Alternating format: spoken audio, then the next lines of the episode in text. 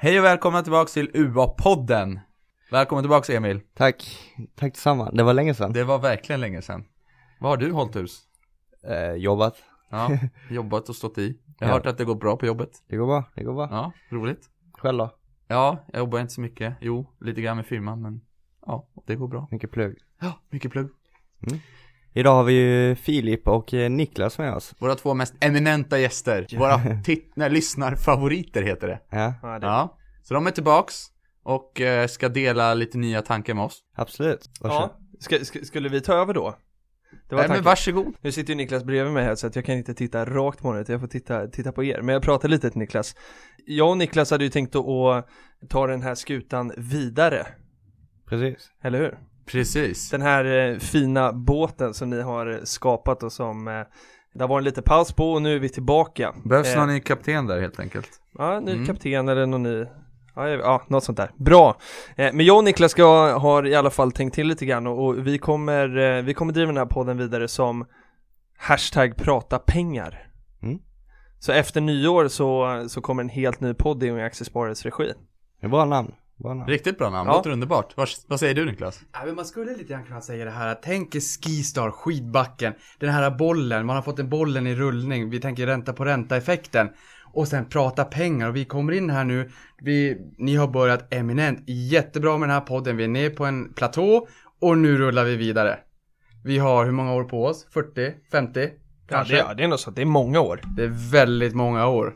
Så det här blir riktigt, riktigt bra, det ser jag fram emot. Ja, jag mycket också. ränta på ränta då. Det är väldigt mycket ränta på ränta. Åh, ni kommer bli less.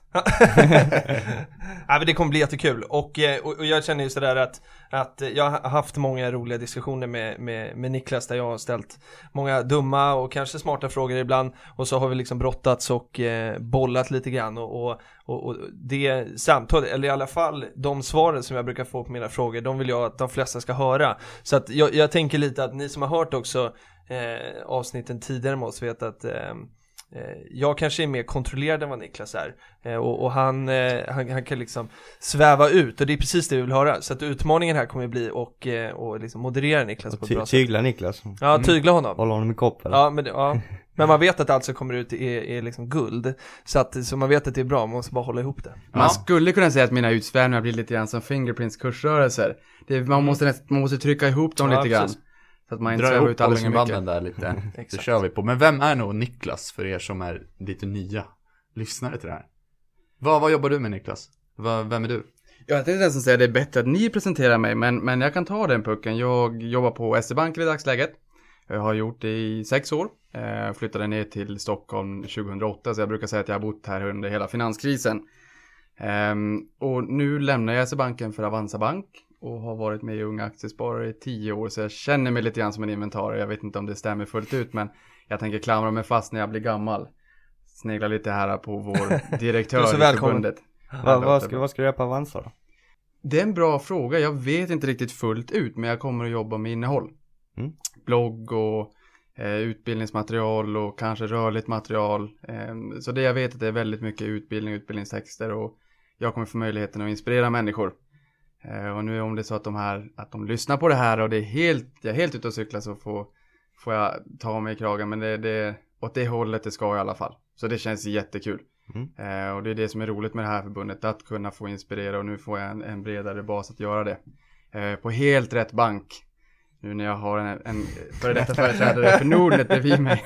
Jag tycker det ska bli jätteroligt faktiskt För det är ju en sådär, ja men då, då jag kommer, eh, det, blir det övergången till presentation av mig då kanske? Det Ja, kan det bli. ja, vad bra eh, Ja men Filip är jag då och jag, jag är vd för Unga Aktiesparare eh, och har varit det sedan i, i augusti Men precis innan så jobbade jag på, på Nordnet och var där i ett år och åtta månader ungefär.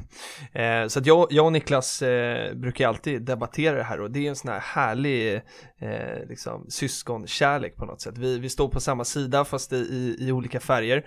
Um, nu, nu är jag ju på Aktiesparare så att uh, det, det är lite skillnad men, men, uh, men tidigare i alla fall när vi lärde känna varandra så, så uh, gillade vi olika färger. Ehm, men det tycker jag är kul. Jag tror att det kommer skapa rolig dynamik och man vet att i grunden så, så står vi på samma sida och verkar för samma sak och det tycker jag är härligt. Ja, vi står på spararnas sida och där måste jag bara dra en anekdot som jag kommer på. Kommer du ihåg när vi, Sure. vi ordnade en, en resa för unga aktiesparare till USA här i våras? Mm. Eh, och då var vi inne på Apples, jag höll på att säga huvudkontor, det var det inte riktigt, men det hade det kunnat vara. Det var en stor En Apple-butik i alla fall. eh, och, Det var en tävling.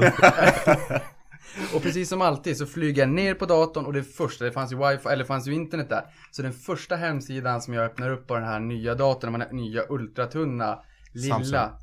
Nej, inte Samsung, det var ju en Apple, en, eh, vad heter de? Macbook. Den Macbook, nya ultratunna Precis, Macbooken, ja, den lilla. som är superdyr. Som är superdyr och Ja. säkert fina marginaler hoppas jag. Jag vet inte vilken första hemsida jag öppnade upp på den här datorn var såklart.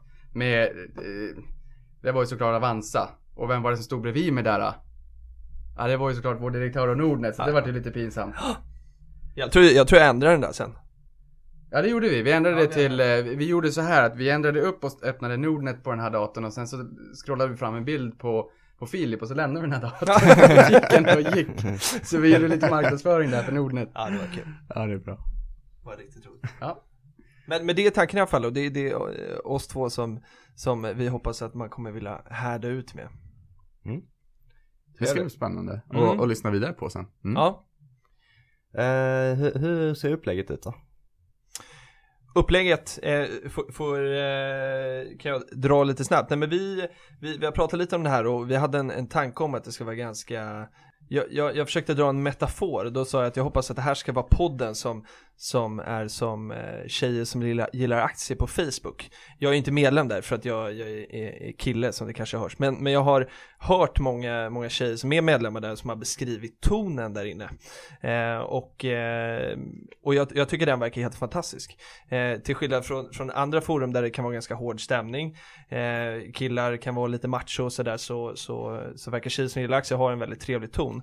Eh, och vi står ju på spararnas sida och spararna är allihopa, alla som Eh, från de som inte ens har kommit igång till de som är supertraders och då tycker vi att det ska vara högt i tak och en schysst stämning och det är det vi vill ha i den här podden. Sen kommer jag och Niklas brottas jättemycket för att vi, vi är lika på många sätt men vi har säkert också olika åsikter om, eh, om vissa saker och gör, agerar kanske på olika sätt och det, det är det man vill lyfta upp och, och brottas med eh, så att man får utvecklas. För det, det tycker jag att jag har lärt mig väldigt mycket att när man vågar liksom dela med sig av hur man själv tänker och hur man själv gör kring sin, sina pengar eh, så får man också värdefull input och det är därför också som vi har valt namnet Prata pengar. Eh, för det, det passar ganska bra. Så inga raka självklara svar från Niklas då, utan Nej, jag- tillbaks lite där. Nej, det där är- inbjuder ju lite grann till utsvävning tycker jag. Eh, sen kan man väl tycka att vi, vi vill väl att sparande ska bli en ny folksport i Sverige. Verkligen. Eh, våra medlemmar är de vi arbetar för, men jag menar en, en viktig målgrupp för oss är de som ännu inte vet att de är intresserade av sparande och ekonomi och pengar, fonder, aktier. Eh, och det är de vi vill nå ut till. Precis, och, och det är en viktig poäng för att nu eh, tidigare så hette det UA-podden, klockrent namn för, för alla oss som, som älskar UA. Eh, och vi har ju 12 000 medlemmar eh, och det finns, eh, nu har jag inte räknat på hur, hur stor den potentiella populationen är men, men det är ju betydligt fler. Eh, och, eh, och vi vill nå dem precis som vi vill nå ut till våra medlemmar. Så vi kommer prata en hel del unga aktiesparare i den här podden och eh, dyka ner i, i event som har varit eller event som kommer och vad som, vad som händer hos oss. Eh, allt för att man ska förstå lite om eh, vad innebär att vara medlem i Unga Aktiesparare och vilka möjligheter finns det. Eh, Så det, det är lite tanken. Så då kan vi till och med tipsa lite grann om eh, roliga event, kanske uppe i Luleå eller nere Absolut. i Malmö. Eller, så att man, man känner av också att vi är ett levande förbund och vad som händer där ute på fältet. För att vårt förbund består ju faktiskt av de människorna ute på fältet runt om i Sverige. Mm. Eh, Det är de som gör jobbet. det är de som gör jobbet. Mm. Ja, det låter rimligt. Jag ska också bara flika in lite snabbt att, att vi, vi, kör, vi har kört det här i ett litet remissvarv med, med namnet till den här podden. Och, och den, som, eh, den som kommer i vinnande bidraget skulle jag säga är eh, Jennifer Ström som, som också jobbar här på, på kansliet fast med projektet Ung Privatekonomi. Eh, vi hade en, en liten spar eh, ett sparsnack här en kväll där vi, eh, vi, jobbade, vi jobbade lite sent och sen eh, började vi snacka om sparande och eh, fastnade. Till slut fick jag bara ta mig därifrån för att jag kunde inte sluta snacka och inte hon heller. Eh, och, men sen så, och vi pratade om försäkringar tror jag det var. Eh, och då gjorde jag en liten alternativkostnad på hennes försäkring på vägen, på vägen hem och så smsade jag till henne. Eh, det var en ganska dyr försäkring då. Och då smsade hon tillbaka hashtag prata spara, eller prata pengar. Och då tänkte jag det där, det där är namnet. Men UP gör ett fantastiskt jobb. De träffar Oh, ja. 25 000 gymnasieelever varje år. Eh, helt kostnadsfritt. Och åker man ut och så lämnar man också efter sig UP-boken så att man kan lära sig lite mer. Eh, så sitter du där ute på en gymnasieskola och vill att UP ska komma så, så hör av dig. För det är en timmes inspiration kring sparande. Det är he helt fantastiskt i, i brist på, på ämnet privatekonomi som ännu inte finns i skolan. Nej, för där kan man ju ändå säga att vi lär oss att städa, Mm. dammsuga, laga mat. Men vi Baka lär oss inte... baka scones. Det bästa i hemkunskapen var när man fick baka för man fick ju äta det efteråt. Ja, det Men, men vi lär oss inte hur pengar fungerar. Och, och det där är både, både lite roligt skämtsamt nu men ändå samtidigt allvarligt att vi faktiskt inte får lära oss hur det fungerar. Nej. Ehm, en av de absolut mest populära tweetsen jag hade på Twitter här för ett antal år sedan på Avanza Forum var när vår finans, men, eh, ett antal år sedan, inte alls så länge sedan, när vår eh, finansminister Magdalena Andersson var på besök och hon gav sitt spartips och sitt bästa spartips. Eh, och det var ju att man skulle amortera på bostaden och där menar jag på att det någonstans det, liksom, det- är pricken över i hur vi i Sverige inte vågar sticka ut hakan och säga att ta kommando och bli vd över din egen ekonomi utan Mm. vi säger amortera på bostaden och någonstans gör det nu är vi ute i de politiska domänerna men någonstans gör det att man aldrig vågar ta sig ur ekorrhjulet. Och, och sparande handlar ju på något sätt om att leva på li- livet på det sätt man vill, inte Mm. på det sätt man måste. Eh, och att ändå ge förutsättningarna för att aktivt kunna förändra sin framtida ekonomiska eh, situation. Eh, och det tycker inte jag att man gör i dagsläget om det inte hade varit för ung privatekonomi. Nej, så är det Eh, verkligen. Som nu även då finansieras av, av Finansinspektionen så de kan Mm. komma ut i, i, i norrländska eh, Skogarna. Ja. Precis. Ja men det är jätteviktigt och, och jag, jag skrev eh, någon tweet om det där igår och, och hakade på min, min eh, förra kollega på, på Nordnet som hade skrivit en debattartikel om, eh, om avdragsrätten som försvinner nu på nyåret. Nu, nu spånar vi iväg här men det, vi, det får vara så. Eh, och och, och då, då svarade jag på den där tweeten någonstans och sa att eh, det nya pensionssparandet kanske är bostaden i och med att man subventionerar lån och snart kommer amorteringskrav. Så det kanske är bostaden som är det nya, det nya sparandet och, och det rimmar väl med Magdalena Anderssons eh, kommentar där på Avanza Forum. Ja, men- där blir det lite sådär att man, jag har också hört många människor, jag, jag har även jobbat i en rådgivande roll under många år och många säger ju att bostaden är ett pensionssparande. Mm. Men jag köper inte riktigt det där. För Nej, det, inte jag heller. Det, det blir ju en, en, ett affektionsvärde och man säljer inte lägenheten när man på ålderns höst bara för att man behöver slanten pengar. Nej, Eh, Och går du i pension och inte kanske har en uppbyggd pension eh, sen tidigare så har du kanske inte samma återbetalningsförmåga. nej, Eh, och då spelar det ingen roll egentligen vad du sitter på för värde om du inte har återbetalningsförmågan. För det är det man tittar på i alla fall i dagsläget i Mm. Sverige. I USA tittade man väldigt mycket på, på värdet på tillgången och inte på återbetalningsförmågan. Medan vi här har gjort samma sak tidigare men nu tittar på återbetalningsförmågan i första hand och tillgångarna i andra hand. Eh, och jag skulle vilja säga att tandläkaren bryr sig inte riktigt om man har en skog värderad till 10 miljoner om man inte har någon likviditet. För nej, tandläkaren vill inte att du ska bära in timmer på, eh, på kliniken. nej. Så att, nej det är inte ett sparande. Nej. Men, men jag har eh, lite tips där. Någonting, jag, jag, jag äger min bostad men jag står också med i, i en bostadskö eh, och, som en försäkring. Det kostar inte speciellt mycket. Men då, och då har jag funderat kring det där. Tänk om man äger sin bostad under hela sitt liv och så har man amorterat av på den. Eh, och, och sen när man eh, blir lite äldre så, så kränger man av sin, eh, sin lägenhet och då har man stått i den här bostadskön i, i kanske 40 år och då kan man helt plötsligt få en, en eh, kanske en jätte, jättefin lägenhet någonstans eh, som, eh, som höjer ens livskvalitet och så har man massa pengar över som man kan spendera. Jag, jag, jag kommer inte, nog inte agera på det sättet men, men det skulle ju kunna vara ett spartips. Absolut, men, men sen så kanske man, man vill ha villa, barn och så vidare. Ja, du tänker så. Ja. När man är äldre. Ja, jag, jag får nog backa lite grann. Jag, jag, det är, ja det är sparande men jag tror att man ska ha en balans mellan reala och finansiella tillgångar. Det tycker jag också. Man ska inte ha allt sitt sparande i en real tillgång. Ehm, det är dina pengar, det är som att släppa en hundralapp ut för, utanför ett stup. Mm. Den där hundralappen finns kvar i form av, en amorterad eh, krona eller amorterad hundralapp. Det är ju dina pengar men du kommer inte åt dem lika lätt. Du ska gå till banken, du ska ansöka om lån, det är kostnader. Eh, sen får du ut den där slanten pengar. Just det. Ehm, så jag tycker även att man ska ha ett sparande både på konto och i aktier, självklart det tycker vi ju. Mm. Ehm, men att man har den där balansen. För i dagsläget tycker jag det är en, ett, en väldig hås mot att först köpa en bostad som i, många gånger kräver väldigt mycket kapital för förstagångsköpare. Ehm, så först köper du en bostad och lägger in väldigt mycket pengar i en kontantinsats. Sen ska du amortera väldigt mycket. Eh, och jag märker dagligdags ungdomar som de, man ska bo innanför tullarna. Eh, jag är inte av den åsikten men, men många vill det och det, det kostar en bra slant. Och det det. innebär en amortering på ett par tusen lappar i månaden och då finns det inte så mycket pengar över till sparande i aktier och fonder. Eh, och det där tror jag är en fälla. Liksom både kontantinsatsen och sen amorteringen. Det dränerar upfront och sen dränerar det månatligen via lönen. Och det kostar mer än det smakar om man tänker på vad de pengarna hade kunnat växa till. Eh, om de hade fått eh, de förutsättningarna att växa på börsen.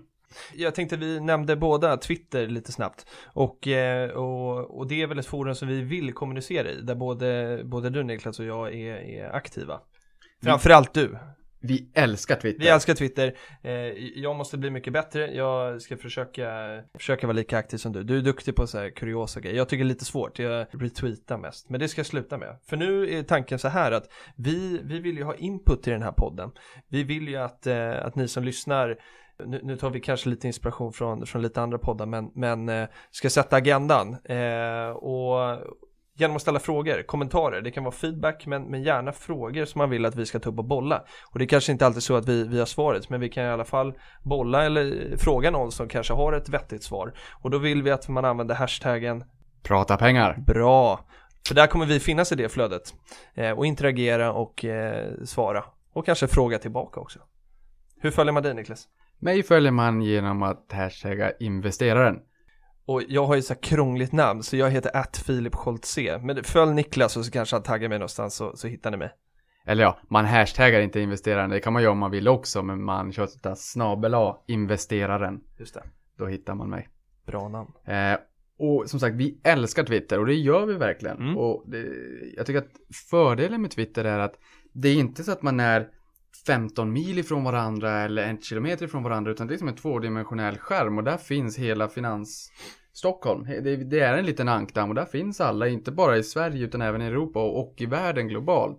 Så man kan i realtid prata med varandra och dela idéer och tankar och synpunkter och Eh, det är väl där det här forumet då i form av en podd blir liksom nästa steg att inte bara få eh, frågor och, och, och idéer via Twitter utan även via eh, podden här att vi kan förmedla ut det.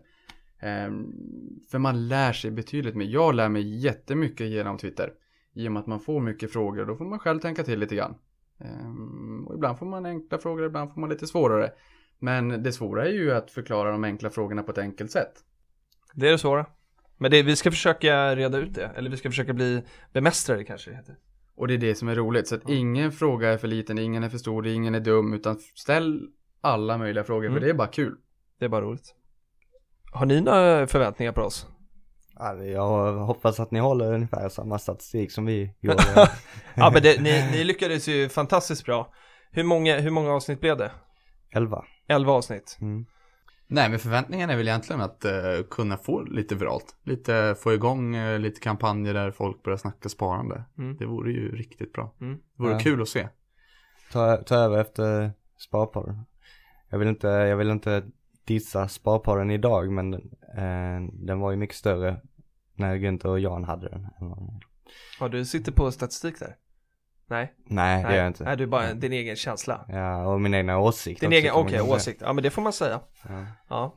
Så man skulle kunna säga att konsensusestimaten på prata pengar inför 2016 är skyhöga. De är skyhöga. Vilken värdering är högst? Fingerprint eller prata pengar? Oj. Här är det bara Oj. grönt. Så att, eh, ja.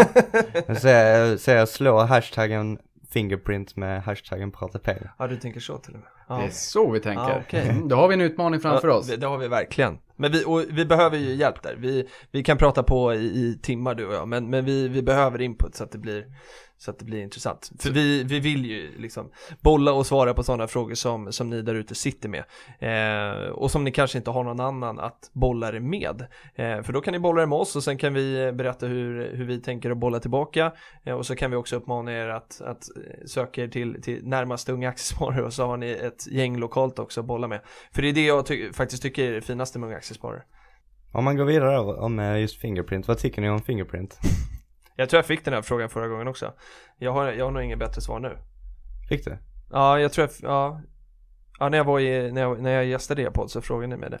Eh, jag sa då att det var tråkigt att stå på sidlinjen och, och det är samma fortfarande. Men det, eh, jag har inte investerat i Fingerprint och tänker nog inte göra det heller. Mm. Niklas, du måste hata ett sånt bolag. Nej, men det jag hatar lite grann, eh, nej jag hatar är för starkt ord, men det är håsen. Um, ingenting växer till himlen, upp som en sol, ner som en pannkaka. Man ska vara försiktig inför det faktum att inget bolag växer till himlen.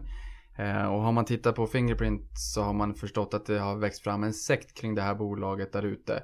Som tar det på uh, blodigt allvar och som... Jag tror att det känns som att mediakåren nästan har slutat, inte slutat skriva om bolaget, men man tänker mer på vad man skriver. För det blir sån storm. Eh, och, och jag menar, ta någon vecka tillbaka nu. Ni märker att jag inte följer bolaget, men någon eller några veckor tillbaka i alla fall när bolaget stod för en omsättning på 5 miljarder på en Stockholmsbörs som någonstans brukar omsätta 20-22 miljarder på en dag eller en slumrig sommardag kanske den är nere på 8 miljarder. Då förstår man hur enormt hög omsättning det här i bolaget och jag menar på att alla där ute investerar inte. Det är nog väldigt många som bara är där för de kortsiktiga pengarna och det är inget fel i det. Ehm, men min filosofi är mer att investera och, och, jag är osäker på hur många som tror på bolaget kontra hur många som bara är där för att tjäna pengar på fluktuationerna. Och då vill jag inte riktigt vara där, jag, jag blir lite rädd.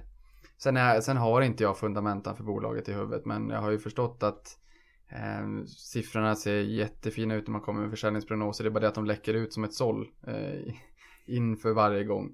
Eh,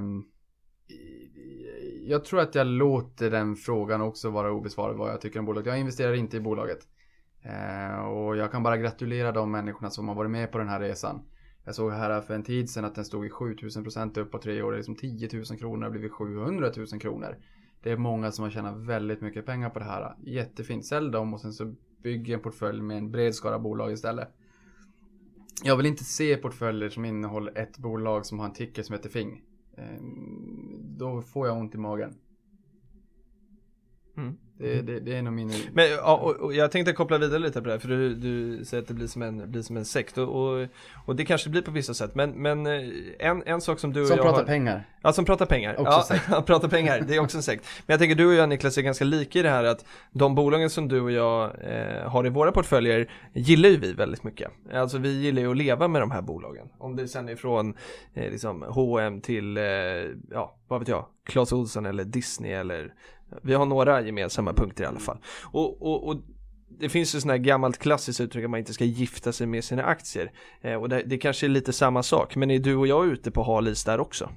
Nej, men det tror jag inte. Jag, jag tycker att det är helt okej att gifta sig med sina aktier, men då ska man skriva ett äktenskapsförord. Jag gifter mig med, den, med dig under förutsättning att... Punkt, punkt, punkt. Och att man hela tiden ifrågasätter varför man har de här bolagen i portföljen. Och är det så att för, förutsättningarna förändras, mm. Ja då får man ställa sig frågan, är det här fortfarande det bolaget som jag en gång gifte mig med? Mm. Men sen har det där blivit en klyscha, man ska inte gifta sig med, med sina aktier. Och jag förstår ju eh, symboliken.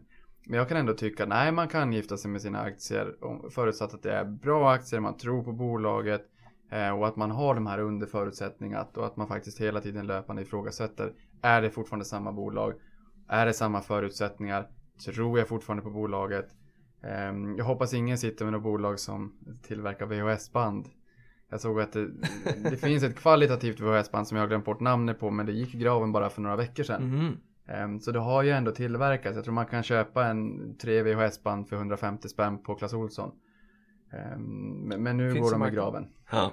Mm. Så att där vill man ju inte äga aktier. Nej. Men nej, jag, jag, tyck, nej, jag tycker inte att vi är fel ute. Jag menar, det nej. finns väldigt många fina anekdoter på, på eh, portföljer som har gått väldigt bra för att man har varit långsiktig. Och jag tror att våga vara långsiktig. Jag tror att det är alldeles för få människor som vågar vara långsiktig. Ehm, och sätt de, de pengarna som man sätter in i portföljen, låt dem ligga där långsiktigt. Sätt inte in för mycket pengar och sen ta ut det när du ska åka på resa. Sätt in pengar som du känner att det här är pengar jag kan avsätta, de här kommer jag inte ta ut. Och sen har man en buffert på kontot ifall det händer någonting, man vill ut och resa eller man vill köpa det ena eller köpa det andra. Men aktierna som man sätter av till portföljen, det går från att vara pengar till att vara kapital, till att vara byggstenar för din framtida ekonomiska eh, frihet. Mm. Och, och, och därför att, för att avrunda då Fingerprint-historien så, så Just det, var där vi började. Ja, för Fingerprint är ju inget nytt bolag på börsen eh, Utan de har ju funnits, jag vet inte sen vilket år Det är kanske någon Nej, på det. Men det, det är ju ganska länge och då tänker jag att det finns ju säkert jättemånga av de här investerarna Som har suttit med Fingerprint i år efter år efter år och, och tyckt att, att, eh, att det här är ett jättefint bolag med en jättefin liksom, produkt Och helt plötsligt fick de, fick de rätt Ja, för där, där vet jag, jag såg en tweet idag och nu vet jag inte var det var jag såg den här tweeten så att jag har ju ingen källhänvisning. Men det stod att Fingerprint var nära på att eh, läggas ner 2007. Mhm. Att man tyckte att man inte fick någon vinst i det här och, och det är ju inte så många år sedan. Nej, Det är väldigt få år sedan. Och sen har det blivit, blivit en fantastisk uppsving. Eh, jag brukar säga eh, maten först och godiset sen. Sen är väl jag kanske den som går och köper lösviktsgodis på Coop helst, för där har man Cloettas lösviktsgodis. Eh, och sen har jag käkat upp halva påsen när jag kommer hem och ska laga min middag. Men det man brukar säga till barnen eh, är väl kanske då maten först och lösviktsgodiset sen eller godiset sen. Och det är väl lite grann samma sak. Först har man en stor stabil fin aktieportfölj som är långsiktig och sen kan man ju ta lite chansbett kan jag tycka. Då är det helt okej att ta några, några tusenlappar i, i Fingerprint eller man kanske ska prata i, i procentuella termer. Men att ta en, någon liten stek och med stek menar jag någon liten position i ett antal bolag som man tror kan ha en, en spännande framtid till mötes men där risken är betydligt högre. Mm. Eh, Men inte för stor andel av portföljen. nej och, och eh, ytterligare ett spår här, du sa procent istället för pengar. Och, och det där eh, tycker jag är superintressant. För att eh, väldigt många som, eh, eller väldigt många, men jag har träffat många som har eh, uttryckt just det här kring, kring aktier, att men jag har för lite pengar för att, för att köpa aktier. Eh, och så är det ju inte riktigt idag. Eh, för nu har vi en, ett läge där det är liksom så pass låga courtage, så nu kan egentligen alla köpa aktier, om det så är för en hundralapp eller hundra, hundratusen. Och det är ju kul. Ja, det, det känns lite grann som att det är den bäst bevarade hemligheten i Spara Sverige. Att man behöver inte ha speciellt mycket pengar för att börja. Utan det viktigaste är att man till att börja med visar intresse för sin ekonomi och börjar eh, intressera sig för det här. Eh, sen kan man väl säga att det är tiden och avkastningen som är de två viktigaste faktorerna för slutresultatet. Det är inte slanten pengar man börjar med. Nej. Eh, tiden och avkastningen. Och Einstein sa att ränta på ränta effekten är världens åttonde underverk och det, det stämmer verkligen. Vi får lita på honom. Vi får lita på honom, det gör vi. Mm. Då måste vi ju säga Mm, kör. Filip, Mm. hur mycket pengar hade man haft om man investerade 10 000 kronor i H&M 1978? Då vill jag bara säga, Ja, jag har ju läst det här tusen gånger, jag kommer inte ihåg. eh, eh, det var 38 175 kronor. För den som undrar lite grann vad 10 000 kronor var då, om man hade haft råd att sätta av det eller inte. Och då får man likställa det med 38 000 Okej, kronor idag. ja. Det är ganska mycket pengar då. Det är ganska, ja, absolut, det är det. Eh, Och man, vi kanske ska säga att man behöver inte alls börja med 38 000 Nej, men det är heller. ett exempel. Ja, men det är ett exempel. Ja. Hur mycket pengar hade man haft om man hade haft kvar den här investeringen plus att man varje år när man fick en liten utdelning. Alla bolag lämnar ju inte utdelning, Nej. men i det här fallet så lämnar de utdelning i alla fall. Att man hade också återinvesterat den här utdelningen då. Hur Ska, mycket ska pengar vi man haft ge, idag? ge oss på en gissning alla vi tre andra då? Det kommer märka att jag älskar gissningar. Ja. Jag kan börja, 10 miljoner. Högre. Hur många år sa du att det var? Det var från... Det är 35, 37 år. Jag säger 50 miljoner. Aj! Jag säger... eh, Hur många sa du Emil? 10 så. Ja, jag tror att det är 17. Svaret är 26 miljoner. Okej. Men sen kan jag säga att min ordförande i Aktiespararna Lidingö, han hade räknat på det. Han kom tillbaka till mig och sa, nej Niklas, det där stämmer inte. Men då hade han räknat från 1974. Eh, Och då var det Mhm. 50 miljoner. Ja men det var det jag tänkte på. Eh, bara en fråga där. Eh, är, det, är det 26 miljoner i, dagens värde av pengar? Ja. Ja. 26 miljoner i dagens värde. Och, ja, och nu frågade ni inte det, men ni hade ju kunnat fråga är det i svenska kronor. Och det är det ju. Men om man då hade investerat 10 000 dollar, vi tar dollar istället för kronor, i Starbucks. Och sen så spelar vi fram bandet så vi landar ända fram till 1992. Det var ungefär där, då hade man precis digitaliserat aktiebreven. 89-90 någonstans, aktier var inte fysiska längre. Utan de är digitala det fanns på ultramoderna depåer. Finans och fastighetskrisen slår till i Sverige, nyckeln. Eh, där, då hade Starbucks 125 kaféer. Och idag har de över 23 000 kaféer. Hur mycket hade man haft om man hade investerat 10 000 dollar i det här unga Starbucks då? Hur mycket hade det varit värt idag? Från 10 000 amerikanska Från 10 000 amerikanska till, till idag. ja den är, Patrick vad säger du? Idag i svenska kronor. Nej, i US-dollar. Okej. Så det Då hade vi haft eh, 12 miljoner. Nej, mer. Jag tycker inte om det här när ni räknar för, när ni, när ni säger för det. högt för då, då, då tappar jag ju, då tappar jag Jag tappar poäng. Nej, jag, jag tänkte men- att det var mer då. Ja men fem säger jag 12 miljoner amerikanska. Nej, jag, tror- jag tror det var mer. Från, en, det är från 10 000 dollar till 1,77 miljoner dollar. Nej, det är för dåligt. 1,77 Eller, vi men lägger är ner det här med Ja vi lägger aktier. ner, Vi- gissningsleken Ja. var inget bra Okej, jag säger en sista då Nej. eftersom att ni sa att det var dåligt. En, Okej, en jag, sista. äh, Ja, jag kör. lovar att det här är Ja, sista. det är sista Kopparberg. Ja, Kopparberg så var det fantastiskt. Men Ja. Balder, Tänkte du Kopparberg skulle komma där någon gång. Ja, det känns så. ja, det är ett fantastiskt bolag, eller det är det allihopa. Ni känner till vilka bolag jag tycker om. Men Balder är ett fantastiskt fastighetsbolag. Med Erik Selin vid rodret som äger någonstans 40% av bolaget och är ju verkligen piloten när- när det kommer till pilotskolan. Sitter i första klass där.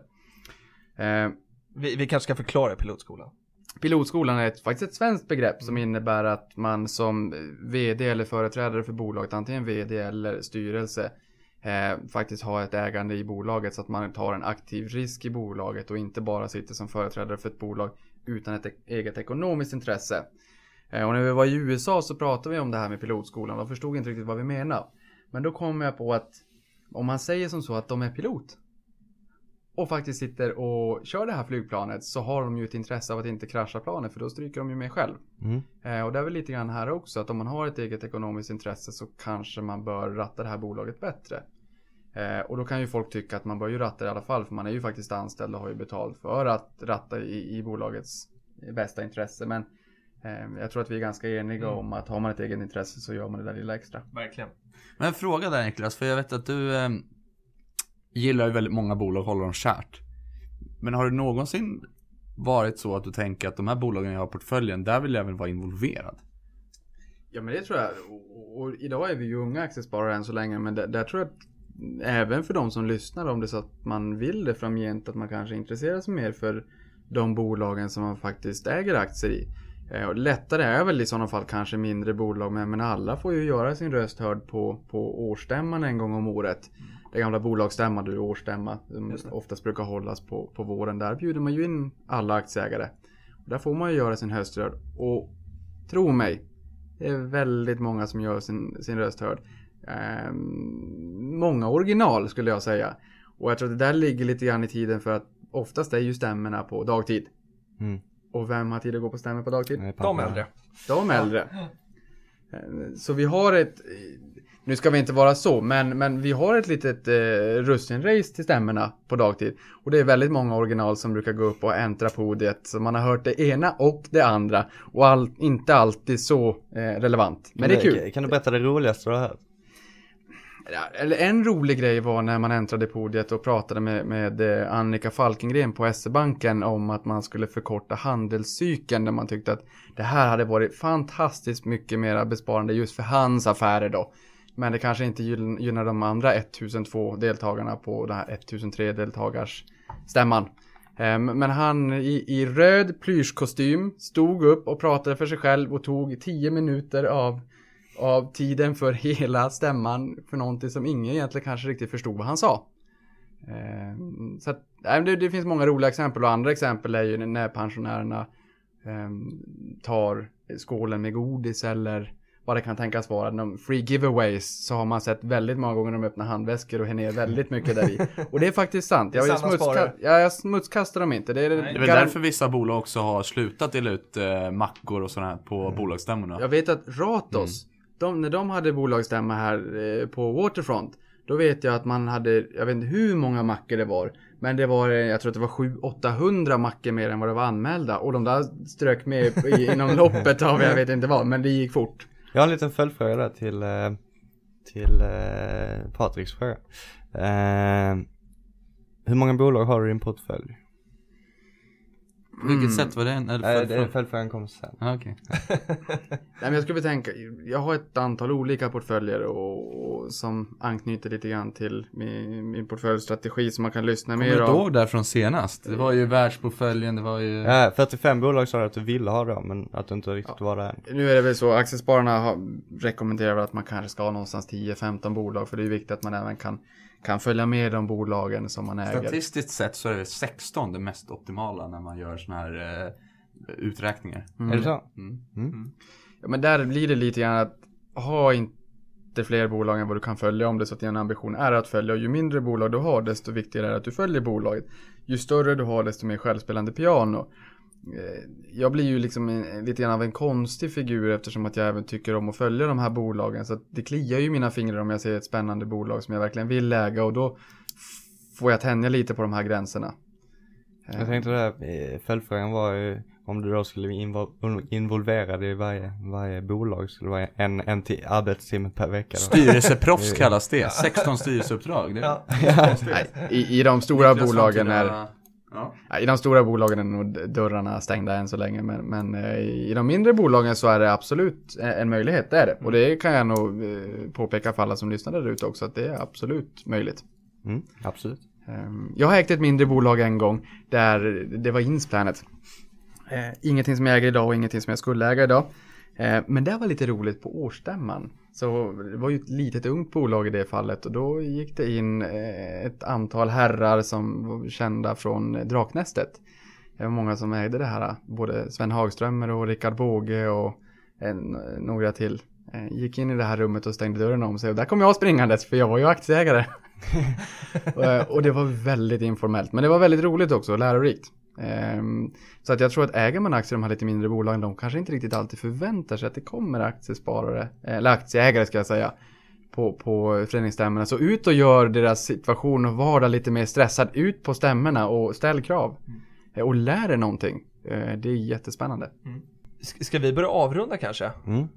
Kör ni? Ska vi köra? Ja. Vad ska vi säga mer då Niklas? Vi, eh, tanken är ju så här att, att eh, efter nyår, vi ska ta lite eh, välförtjänt vet jag inte men jo lite välförtjänt jul ska vi ta och eh, nyår och sen eh, tänker jag att vi sätter igång i början på januari Mm. och, eh, och kör ut eh, den första podden i, i Prata pengar eh, kostymen. Mm. Och, men där måste jag bara säga, för vad gör man klockan 13 på julafton? Kalle Anka va? Ja, Kalle Anka eller 13.05 eller sånt men, men det börjar. Det börjar ju 13.00 där på julafton. Börjar inte klockan tre? Det har jag också för mig att det är Nej, jag tre. menar klockan 15. Ni ser ju 15, siffror. ja. Hakuna Matata, jag kommer från Afrika, jag kom hem mitt i natten. Ni märker ju att jag är lite jetlaggad. Eh, klockan 15 börjar det, har aldrig börjat någon annan tid Nej, än jag 15. tänkte, jag vet inte vad som händer klockan ett. Nej. Jag tänkte, får man någon utdelning Ja. då? Eller liksom, vad är det? Så- Disney delar ut. Nej, men det där. För där har vi hela svenska befolkningen. Mm. Miljoner svenskar som sitter och tittar på Kalle Anka klockan tre Mm. på Klockan tre. julafton. Och vad gör vi då? Man måste älska och äga Disney. Det gör både du och jag va? Fantastiskt bolag, vi äger den båda två. Det är ett jättefint, det är en liten kuriosa där, man Ja. tänker inte på det, men det blir liksom en liten av en tradition. Mm. Man sitter där och man väntar bara på att få öppna julklapparna, men om man tänker på vad man gör, vilket varumärke Disney är. Det är fantastiskt. Och med Star Wars nu också. Med Star Wars nu också, jag såg på Twitter här nyligen innan vi kom in och började den här podden att de slog rekord. Mm. Eh, första dygnet här med, med den, den nya Star Wars-filmen. Nej. Kul. Men, men då säger vi så, vi avrundar lite grann. Eh, att investeraren följer man eh, Niklas Andersson och att Filip Scholtze följer man eh, följer man undertecknad. Och så vill vi rikta ett eh, stort och varmt tack till, eh, till Patrik Tomenius och till Emil som har gjort ett fantastiskt, eh, fantastiskt jobb. Och eh, med, med UA-podden som, eh, som egentligen sådde det här fröet som, som vi nu bara fortsätter att- att växa på. Ja, och vi får väl tacka för att eh, ni vill ta över detta. Ja men absolut. Mhm. Absolut. Köra vidare. Självklart. I uh, unga aktiesparare-andan eh, så ska vi fortsätta. Det ska vi. Men nu kommer jag på avslutningsvis, det sista lilla kuriosa. Det blir som en julklapp till mig själv att jag får ställa den här frågan till er. Kör! Tomra är ett norskt bolag där man känner igen de här returmaskinerna i butiken när man är och pantar burkarna. Och vi dricker ju ganska mycket julmust på julafton. Mm. Det är två bröder i Sverige som äger receptet till julmust som eh, säljer det här till hela världen. Nu är det kanske inte så mycket Jag utanför känner Sverige. igen. Står det på dricker. flaskorna? Nej, det är jag lite osäker på. Men däremot det jag vet. Ja. Hur många pantburkar pantar vi varje år? Nu är inte bara svenskarna utan nu tänker vi bolaget Tomra. Hur många burkar pantas i Tomras maskiner 2014? Jaha, det är Thomas maskiner. Ja, men det är därifrån man känner igen det då. Och det finns kanske. alltså i Sverige och Norge. Ja, det finns i ganska många länder. Mm. Faktiskt. Så det är ju ganska avgörande liksom. Ja. Och vilka Där- länder det är. Men- vilka framförallt. Där ska jag Kina. också säga att det här klimatavtalet i, Mm. i Paris skapar ju ett tryck på, på klimat, eh, eller klimatneutrala eh, förändringar. Och där är Tomra lite grann av en vinnare också, att vi faktiskt ska eh, panta mera. Som... Ja men vi gör, vi gör så här då, för, för att det ska bli bra poddinnehåll och inte att vi ska vara eh, tysta och, och, och eh, blotta vår eh, icke-klokhet så får du ge oss tre alternativ. Och sen ska vi avsluta. Mm. Okej, tre alternativ. Tre alternativ. 100 miljoner burkar, Mm. 30 miljarder burkar eller 35 miljarder. 35 miljarder. Ja, miljarder är det definitivt. Ja, jag, jag, jag går 100 på miljoner 30. Går bort. 35 miljarder burkar. Det är ju Det är fantastiskt. fem burkar per människa på den här planeten. Det är otroligt. Nu har jag fått det sagt. Ja. Kul! Riktigt bra, och, och fler sådana där kommer komma. Men vi, vi kör tre alternativ, det tycker jag det, det blir lite mer spänning. Det och så kan, bra. kan man lära sig ditt pokerface när du säger liksom det rätta. Eh, var det det högsta. sist men inte minst så, så ska vi såklart tacka eh, vår eh, eminente klippare och inspelare Patrik Boström som, som sitter här bredvid oss och eh, kommer se till att den här kommer ut i, i eten på ett snyggt och bra sätt. Tack så mycket hörni och eh, vi eh, ses efter nyår. Ha en eh, god jul. Detsamma, Detsamma, god jul tack. och gott nytt år. Vi hörs! Tack för oss.